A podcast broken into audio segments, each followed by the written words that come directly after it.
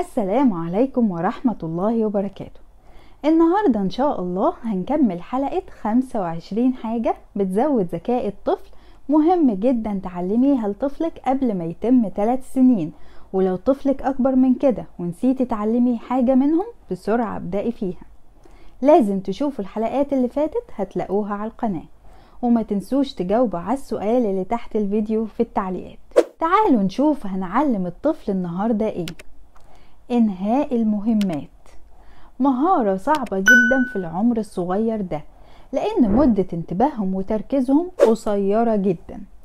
الطفل عنده عمر السنة بيقدر يركز في حاجة لمدة 3 دقايق وعند عمر سنتين المدة بتزيد لسبع دقايق وتوصل لتسع دقايق عند عمر 3 سنوات.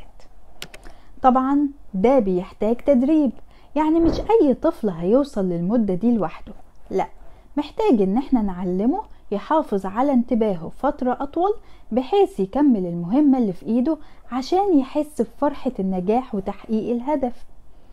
في حاجات كتير قوي أعملها مع طفلي تزود انتباهه يعني من وقت ما يتولد الألعاب البسيطة اللي بنلعبها معاه وذكرناها في فيديو ألعاب تنمي ذكاء الطفل الجزء الأول زي الشخليلة مثلا.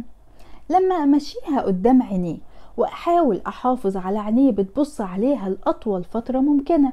ولما يبص في مكان تاني أحركها بحيث تكون في مستوى نظره وألفت انتباهه ليها تاني وأحركها في اتجاهات مختلفة بحيث يفضل متابعها برضو الألعاب اللي بتتعلق فوق سرير الرضيع بتساعد جدا موضوع الانتباه ده. وأهم حاجة قتلناها بحثا وشرحا هي القصص. دي بقى بتمط مدة انتباه الطفل زي الأستك. مفعولها رهيب رهيب لو نفذناها صح. وطبعا الطريقة بالتفصيل في فيديو قراءة القصص للأطفال.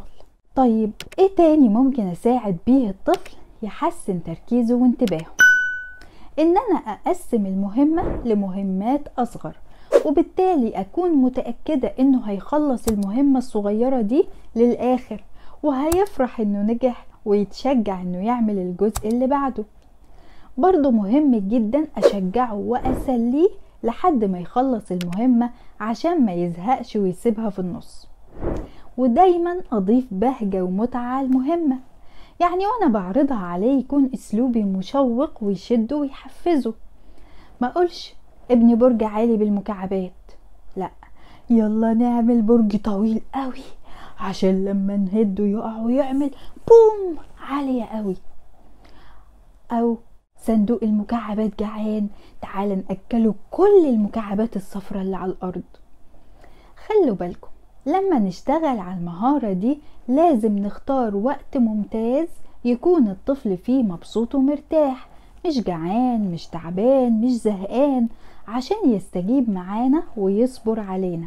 ودايما افتكري يا مامي إن طفلك مرايتك عشان تعلميه الصبر والتركيز محتاجة إنتي أصلا تتعلمي المهارة دي الأول وتديله مثال حي يقتدي بيه. نكمل بكرة إن شاء الله في نفس الميعاد. استنوني دمتم في صحة وسعادة.